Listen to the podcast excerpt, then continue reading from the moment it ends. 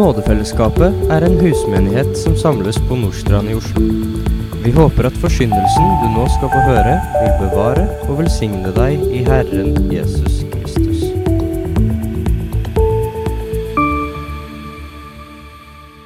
Overskriften i dag det er Guds høst. Og Vi er altså kommet til slutten av Matteus kapittel 9 i dag. og Forfatteren har i hele kapittel 8 og i kapittel 9 på forskjellige måter har han beskrevet Jesu herredømme og omsorg gjennom å vitne om mange forskjellige under som Jesus utførte. Og Matteus han er i dag kommet på en måte til en kort oppsummering. Og Samtidig så vitner Jesu gjerninger om at Gud han har sådd rikelig. Han har sådd rikelig av sin godhet. Og så forventer han nå å høste av det han har sådd. Så la oss lese dagens tekst slik som den står ifra vers 35 i Jesu navn. Og Jesus dro omkring i alle byene og landsbyene. Han lærte i synagogene deres og forkynte evangeliet om riket. Og han helbredet all sykdom og alle plager. Da han så folket, fikk han inderlig medynk med dem, for de var herjet og forkomne som får uten hyrde.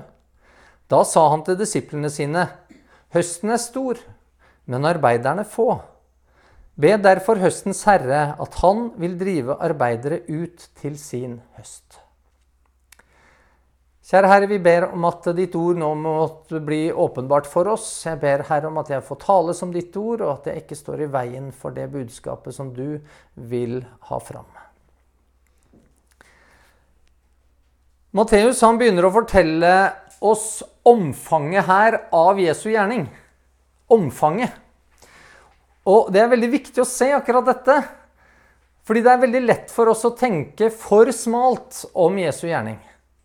At det kun dreier seg om hans død og hans oppstandelse, hans soning for synd. Men den som i sannhet bekjenner Jesus som Herre, blir jo tilregna Jesus soning. Og grunnen for at den soningen gjelder i et menneskets sted, det er jo fordi en blir tilregna hele Jesus sitt liv. Alt det Jesus gjorde og sa, hans fullkomne etterlevelse av Guds vilje. Og så viser Jesus sitt liv oss hvordan Gud er, hans karakter og hvordan Gud arbeider. Og da er det veldig fint, syns jeg, å kunne lese her at Jesus han gjorde jobben veldig skikkelig. Det, det var ikke noe halvveis. Han ga ikke opp underveis når det virka håpløst. Eller fordi han ble sliten, eller fordi nesten alle forlot han. Så det er altså alt annet enn et sånn tafatt forsøk på frelse som Bibelen vitner om for oss. Jesus han hvilte ikke på noen laurbær på noen under eller en og annen god tale. Han, han, prøvde ikke å bygge opp et image eller et rykte, eh, og så skulle han liksom surfe videre på det. Det var ikke slik at Jesus da forventa at etter hvert som han var blitt kjent, og, og, og sånn, at det, nå skulle mennesker komme til han. Nei, han dro selv omkring. Han gjorde den jobben som trengtes. Han dro til alle byene og alle landsbyene. Ifølge den jødiske historikeren Josefus så fantes det tallrike byer og en mengde landsbyer i Galilea på den tiden her. Han beskriver at det var rundt 200 til sammen. Og byer det ble jo definert av at de hadde en mur rundt seg til da beskyttelse, mens en landsby ikke hadde murer som omslutta den. Så det var definisjonen. Og Pga. den fruktbare jorda som er i dette området, så forteller Josefus at det myldra med folk. Og at, de, og at selv de minste stedene hadde rundt 15 000 innbyggere. Og om dette stemmer, så kan vi altså anta at det da bodde minimum Tre millioner mennesker i dette området. Minimum. Det er faktisk mange flere enn det bor der i dag. De siste tallene som jeg har sett, viste at uh, i området Galilea så bodde det i 2006 1,2 millioner mennesker. Eh, så er det kanskje en del flere i dag. Kanskje det er steget så mye som til 1,5 million. Men det er likevel maksimalt halvparten av så mange som altså bodde der på Jesus sin tid.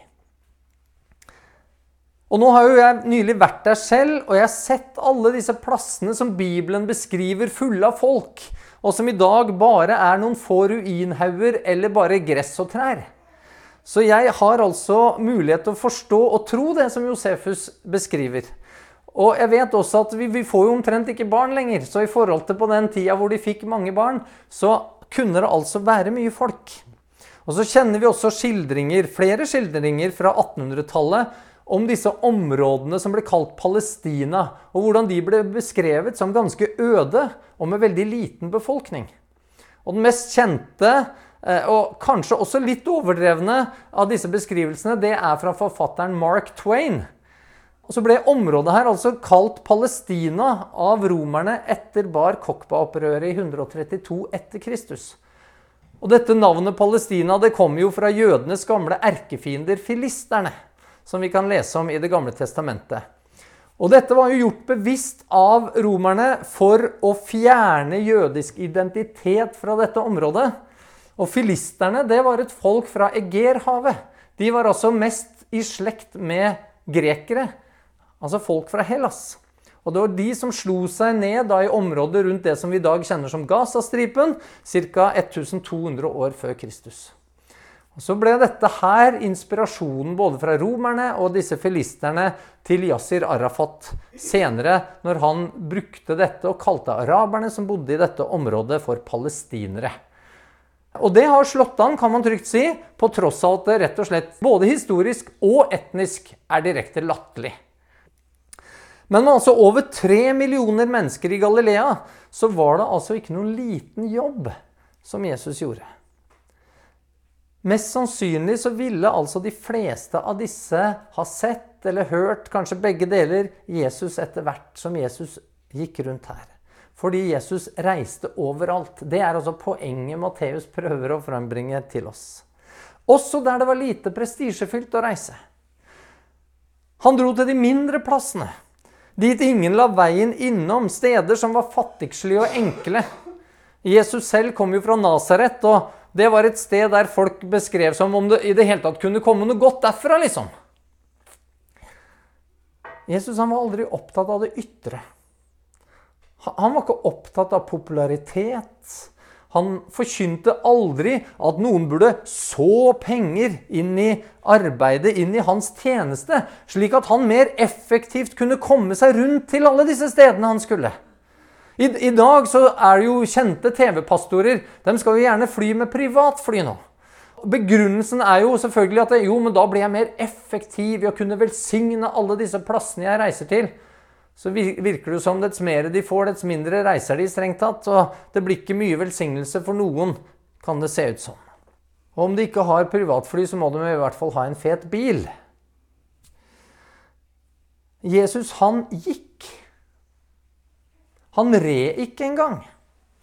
Han, han ba aldri noen gi han penger slik at han kunne kjøpe en hest, slik at han kunne komme seg lettere rundt. Han sa aldri at de som eventuelt ga eller sådde inn til hans tjeneste, at de derfor skulle høste noe voldsom velsignelse. Han lovet aldri framgang eller rikdom for de som tok imot hans lære. Snarere tvert imot. Men Jesus han velsigna mennesker uten at de først hadde gitt han noe.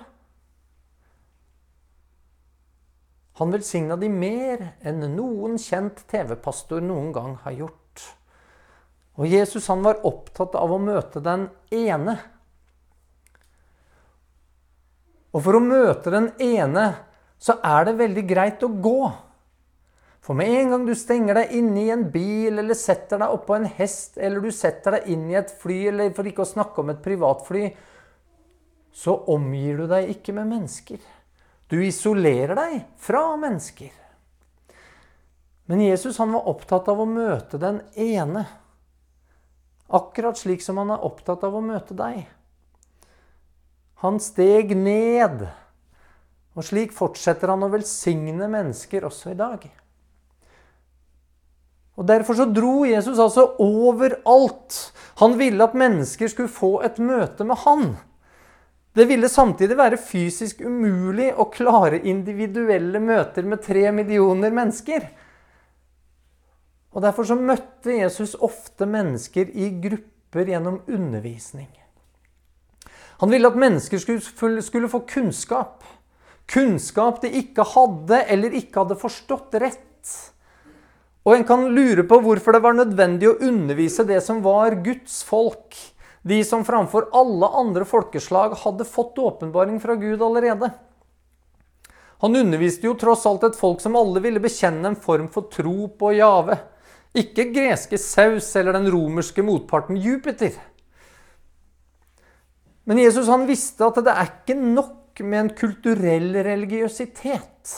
Det er ikke nok med overfladisk kjennskap. Ikke nok med teoretisk kunnskap heller. Og Derfor kom Jesus overalt for å skape relasjoner. Det gjorde han altså først og fremst gjennom å undervise mennesker. Og Jesus visste at mennesker forgår pga. mangel på kunnskap, som Bibelen sier og mangel på kjennskap til han. Så det er altså ikke det samme hva du mener om den kunnskapen du har. Det er ikke uvesentlig hva du tror. Det er ikke likegyldig hvilken gud du kjenner, eller hvilken gud du bekjenner. Kunnskap vitner ikke Eller kunnskap den vitner om at Allah og Jave ikke er den samme. Kunnskap vitner om at Krishna ikke er den samme som Kristus. Og tar man den kunnskapen på alvor, så er det kun dårer som vil hevde at vi alle tilber samme Gud. Det er kun fra dem som fornekter kunnskapen, slik som den er åpenbart gjennom Jesus, han som er Guds ord. Jesus underviste derfor mennesker. Ja, han gjorde mer enn det han forkynte. Undervisning kan jo gi kunnskap, men forkynnelsen den gjøres offentlig og frimodig for at kunnskapen ikke bare skal forbli kunnskap, men at den skal lede til tro, til omvendelse, til etterfølgelse. Og så gjorde Jesus dette i synagogene. Synagogene var et tilbedelsessted. Det var et rådhus og en rettssal. Alt på en gang. Og ordet betyr bare samlingssted. Og Så begynte man med synagoger under eksilet i Babylon, som starta i år 586 før Kristus. Og Før dette så foregikk all tilbedelse i tempelet eller i tabernakelet før det igjen. Synagoger de var gjerne bygget ved en elv eller på en høyde, og de var ofte faktisk uten tak, for at de som var samla, skulle se opp mot himmelen som en del av sin tilbedelse. Og Hvis du ikke har tenkt på det før, så var tempelet også laget slik. Det aller, aller, aller meste av tempelet, der hvor folk faktisk var, var uten tak. I store byer så kunne det være flere synagoger. Og de kunne ofte finnes ved å se etter en høy påle. Eh, det ble landemerker omtrent som fortidens kirkespir. Eh, og det var jo sånn før at kirkespiret skulle gjerne være det høyeste punktet i byen. Og det var før.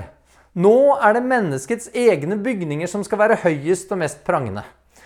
Så selv arkitekturen altså vitner om den voldsomme kulturendring som har foregått. Bort fra en tid der man anså Gud som den høyeste, til nå hvor mennesket i stadig større grad har satt seg selv i Guds sted. Og Så var det i synagogene man begynte å lese og utlegge Guds ord. En slik type utleggelse som vi kan se fra Nehemja sin tid. Og så er det akkurat i den tradisjonen Jesus altså fortsatte i. Og det er den tradisjonen som du akkurat nå er en del av. Jesus han forkynte, Hva var det han forkynte? Jo, han forkynte evangeliet om riket. Han forkynte dermed om den nye pakt som han senere skulle forsegle med sitt eget blod. Han forkynte om det som det var blitt hinta til i Det gamle testamentet. Og der finner en evangeliet beskrevet mange ganger og på mange måter. Gjennom historiske personer, gjennom deres liv, gjennom selve verdenshistorien. Gjennom hva Gud gjør med selve planeten jorden. Gjennom bilder og allegorier og gjennom profetier. Og så er altså forkynnelsen om riket det er gode nyheter. Det er et evangelium. Og hvorfor det? Jo, fordi det er Jesus selv som både styrer og hersker i det riket. Gode nyheter fordi Jesu liv nettopp vitner om en hersker som er villig til å tjene sitt folk. Som er villig til å stige ned. Som er villig til å påta seg folkets problemer. Som ikke utnytter mennesker til egen vinning men er funnet som en av oss, men som samtidig har vunnet en seier som løser alle menneskets problemer. Han er den eneste som kan innføre det utopia, det, det fullkomne samfunn, det riket som så mange mennesker lengter etter. Det som vi bruker så mye tid og energi på å prøve å få til her nede på jorda selv. Og så er det altså Jesus som både er forbildet og opphavet til hele denne tanken om at politikerne skal tjene folket og ikke seg selv. Og så trenger kanskje ikke jeg å minne dere som har fulgt litt med i det siste, at det har de åpenbart glemt. Og det har de glemt i takt med at de har glemt han som var forbildet for deres oppgave. Jesu liv vitner derimot om at han tjente. Han lega folket, han frigjorde dem, og han utelater ikke noen. Men han reiste rundt til hver eneste by og landsby. Ja, Matteus understreker at Jesus helbredet all sykdom, alle plager. Ser dere omfanget av Jesu virke? av Jesu arbeid, av Jesu liv. Å ha en slik konge, det er virkelig gode nyheter. Og mange tenker kanskje ikke på det, men Jesus regjerer allerede. Han regjerer i dem som har underlagt seg hans vilje. Og da må det merkes. For da skal man finne igjen den samme ånd i den som Jesus har selv. Det vi ser at Jesus gjør, det skal vi se også i de som har underlagt seg hans regjering.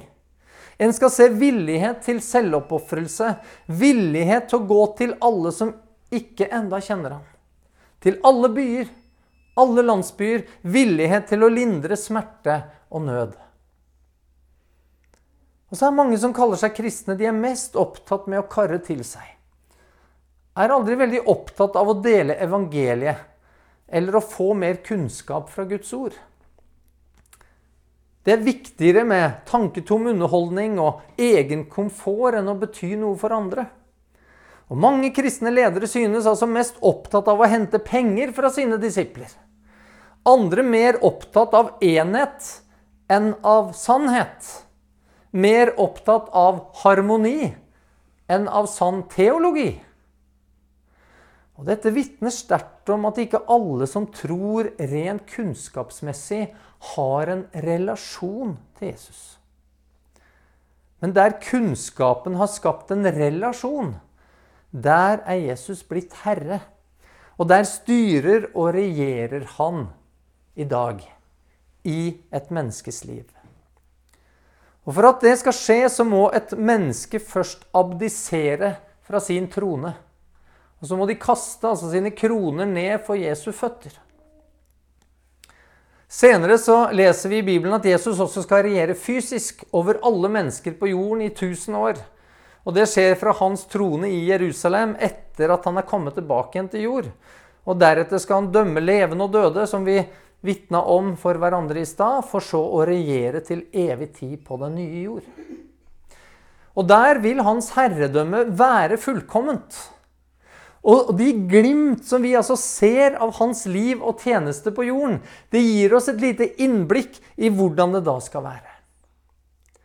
Og da vil det altså ikke finnes synd. Ikke finnes sykdom, ikke finnes død, ikke finnes noen plage.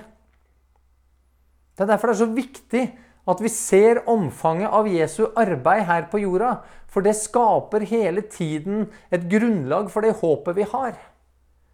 All sykdom, alle plager.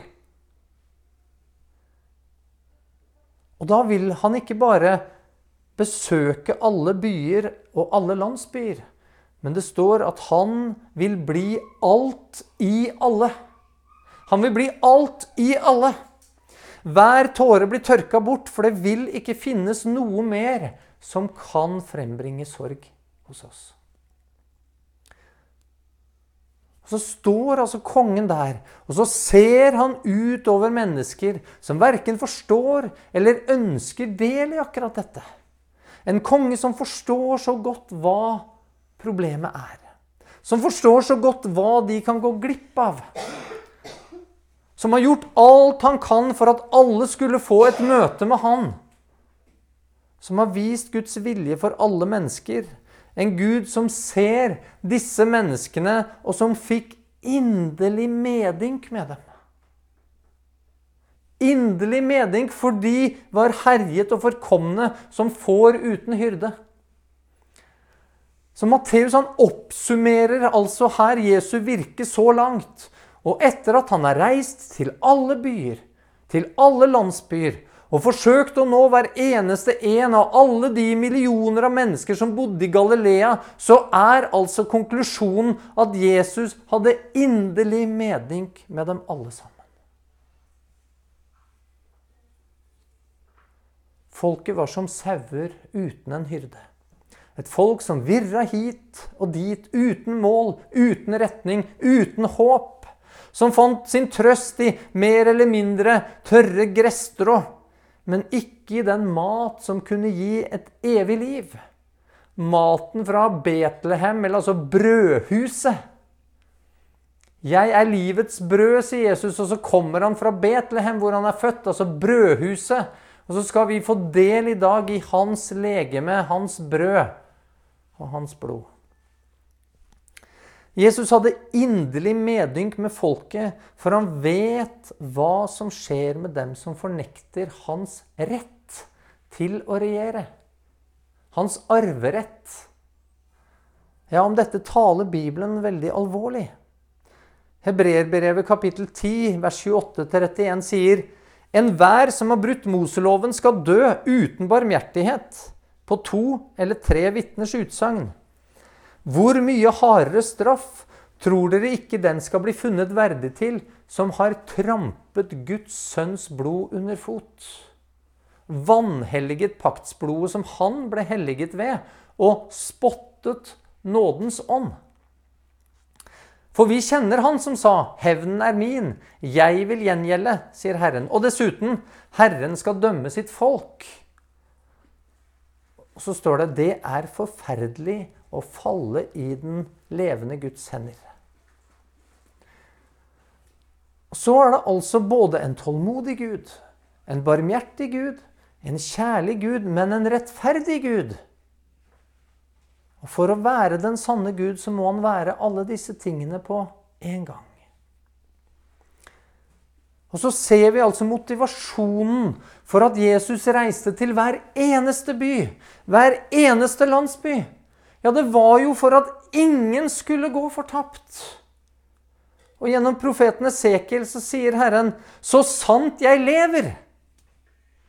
Jeg har ikke velbehag i den ugudeliges død, men i det at den ugudelige vender om fra sin ferd og lever. Vend om. Vend om fra deres onde ferd. Så ser altså Jesus også på deg med inderlig medynk. For uten han så er også du herja og forkommen. På tross av at du er underholdt med alt du sikkert fysisk trenger, og du lar ditt sinn, din ånd, kanskje underholdes til hjernecellene er fullstendig neddopa. Og Likevel så gir ikke dette noen opplevelse av dyp tilfredsstillelse. Det gir ingen fred. Ro, den finnes ikke. Og derfor så må musikken eller TV-en den må alltid stå på. Stadig må man prøve noe nytt.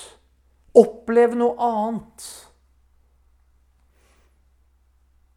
Men da skal du vite at i dag så er Jesus også kommet til der hvor du bor. Og så vil han i dag undervise deg om sitt gode rike. Han vil tjene deg. Han vil lindre alle dine sykdommer og alle dine plager. For de tok han på seg, og så vil han gå med deg på veien. Og så vil han gi deg et nytt liv. Og så er det ikke sikkert at du vil oppleve at alle sykdommer og alle plager blir borte sånn umiddelbart. Men han vil gi deg en ny kropp. Ja, til og med en helt ny jord. Og alt dette fordi han er din og verdens skaper. Han er kommet dit du bor i dag, fordi han ikke vil at noen skal gå fortapt, skriver Peter men at alle skal komme til omvendelse. Og Skulle du da høre forkynnelsen av Guds vilje og ord og likevel forkaste dette, så kan du ikke komme og si at Gud ikke brydde seg om deg. Eller forsøkte å komme deg i tale. For da er det ditt harde hjerte som sto i veien. Ikke hjertet til han som så deg og fikk inderlig medynk med deg. Som elsket deg slik at han ofret alt for at akkurat du skulle få evig liv. Puritaneren Thomas Watson han skrev Vi kan tvinge Gud til å straffe oss, men vi vil aldri trenge å tvinge Han til å elske oss.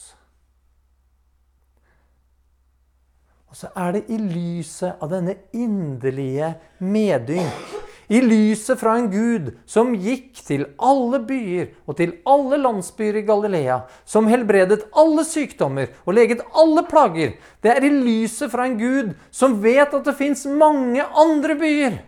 Mange andre landsbyer, mange andre syke, mange andre plagede som han også har inderlig medynk med, at Jesus sier til disiplene sine Høsten er stor. Men arbeiderne få. Be derfor høstens herre at han vil drive arbeidere ut til sin høst. Det er i lyset fra en slik kjærlighet denne omtanken for mennesker at Peter og Johannes, som hørte Jesus si dette, som opplevde hans omsorg og hans medynk, som på tross av at de nettopp er, er satt i fengsel, de er trua av landets myndigheter, de øverste lederne, om å la være å vise medynk. Og så sier de vi kan ikke la være å tale om det vi har sett og hørt. I sin død så ofra Jesus alt for å frelse det som var fortapt. Men også i sitt liv, gjennom sin tjeneste, så ofra Jesus alt. All sin tid, sin økonomi, sitt renommé, sin tilhørighet, sin komfort. Alt for å bringe ut det budskapet som er det eneste som kan frelse fortapte mennesker. Og så er det dette eksempelet apostlene prøvde å etterleve.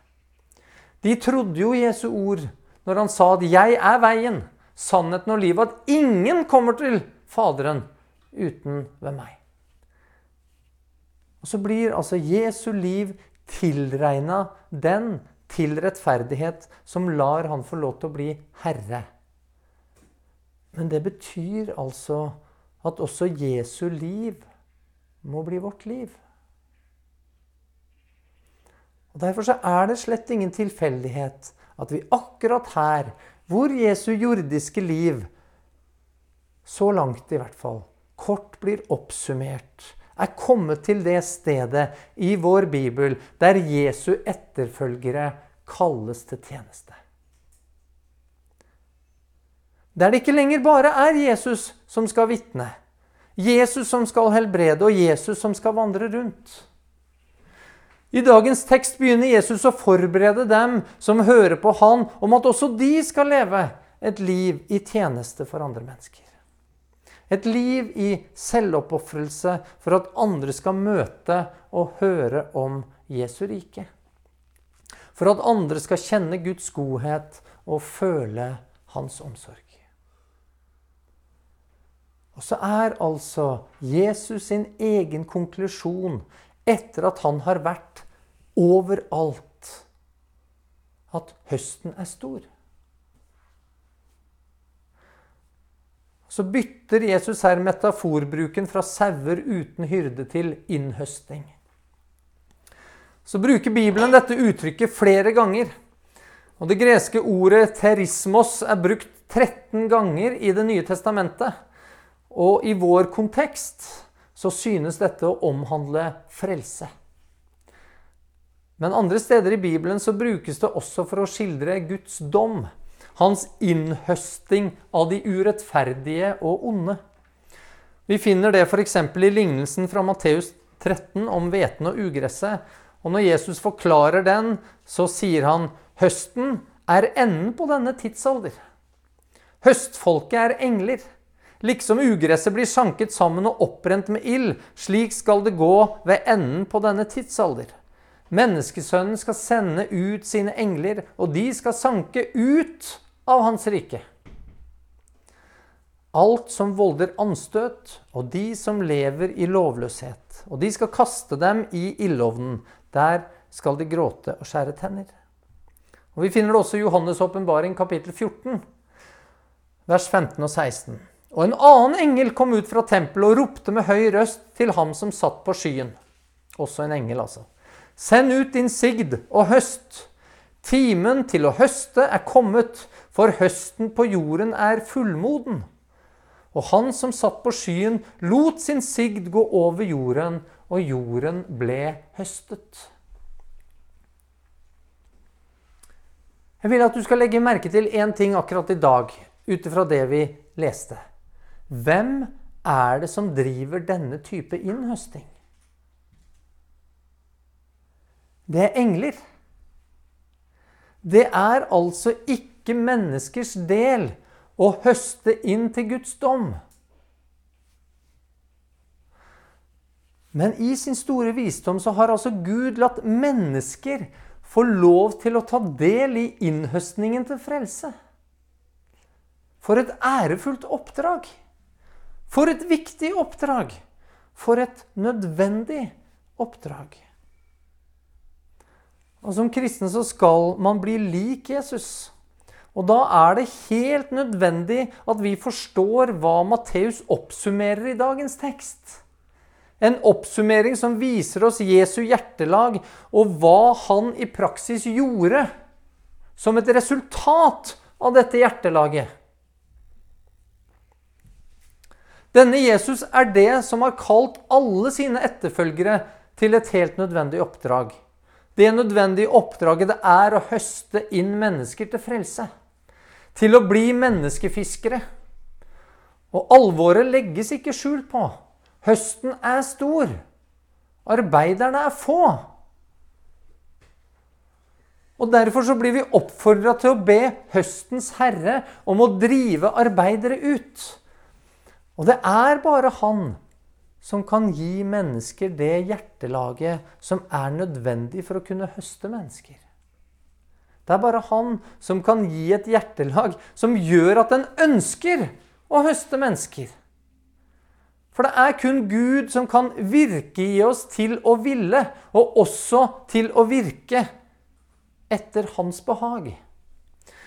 For vi, vi ønsker mest av alt å behage oss selv. Be derfor høstens herre om å drive arbeidere ut. Høsten stor. Høsten er stor. Og den har ikke tid til å vente på dine karriereplaner og dine ambisjoner. Den har ikke tid til å akkommodere dine behov for komfort eller luksus. Og så må arbeideren aldri tro at det er sin høst. At det er om å gjøre å skape så stor menighet som mulig. Holde på mennesker som trosser sannheten. Tone ned budskapet for å få med ugresset. Fylle på med effekter og show for å underholde geitene. Det er Guds høst. Han har sådd det evige livets ord, og så vil han høste fordi det ordet vender aldri tomhendt tilbake. Og så lar han altså deg og meg få lov til å være med på den innhøstingen. Og dersom du ikke har noen interesse av denne høsten, så er du ingen kristen. Da bor ikke Guds ånd i ditt hjerte. Jesus styrer da ikke ditt liv, for dette er det ene viktige for han. Målet han satte fra før jordas grunnvoll ble lagt. Det var dette han ofra alt for å oppnå. Hele hans jordiske liv vitner om akkurat det. Å kunne få høste. Sette mennesker i stand til at de kan høste. så er det da det mest naturlige av alt i verden at han innvier dem som han har fellesskap med, til dette arbeidet. Det er det mest naturlige i verden. Men så er Gud raus. Han er raus. Og så lover han at du skal få lønn for jobben. Ja, om du ofrer noe i dette arbeidet, ja, om så det bare er en kopp med kaldt vann, så skal du få det 100 ganger igjen. Og du skal også få en evig krone til erstatning for den du ga fra deg når du måtte abdisere tronen i ditt eget liv og lot Jesus få lov til å regjere der.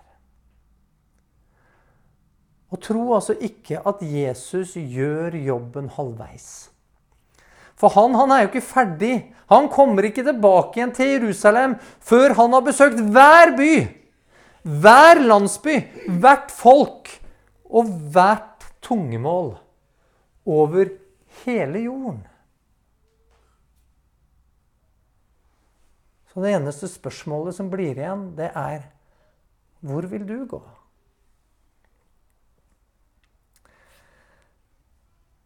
Kjære Herre, vi takker deg for ordet ditt. Det utfordrer oss, far. Det utfordrer vårt hjertelag, vårt sinnelag, vår empati, vår villighet til å ofre. Herre, det utfordrer vår tidsbruk. Det utfordrer vår komfort. Det utfordrer vår økonomi. Det utfordrer våre tanker om karriere, om jordisk gods, om ære og prestisje og berømmelse. Så var du, Herre, du var villig til å forsake det alt sammen. Og så leser vi fra Paulus at han anså alt det som skrap, bare han kunne få lov til å følge det som var ditt behag, det som var til ditt behag, din vilje. Herre, måtte du få din vilje med oss også. Det ber vi om i Jesu navn. Amen.